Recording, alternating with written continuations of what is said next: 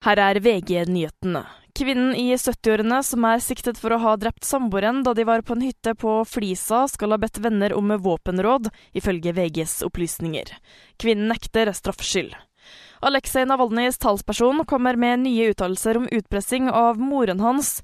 Hun skal ha fått tre timer på seg til å godta hemmelig begravelse, hvis ikke skulle han bli begravet i en straffekoloni. USA kunngjør over 500 nye sanksjoner mot Russland pga. krigen i Ukraina og opposisjonspolitiker Aleksej Navalnyjs død. Tyskland legaliserer cannabis til eget bruk, melder avisa Bilt. De blir det tredje landet i Europa som gjør cannabis lovlig.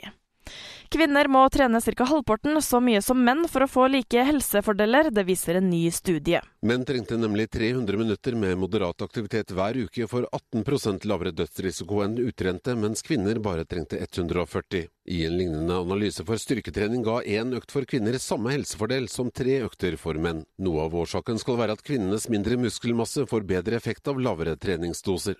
Reporter Frode Sti. I studio Miriam Alsvik, nyhetene får du alltid på VG.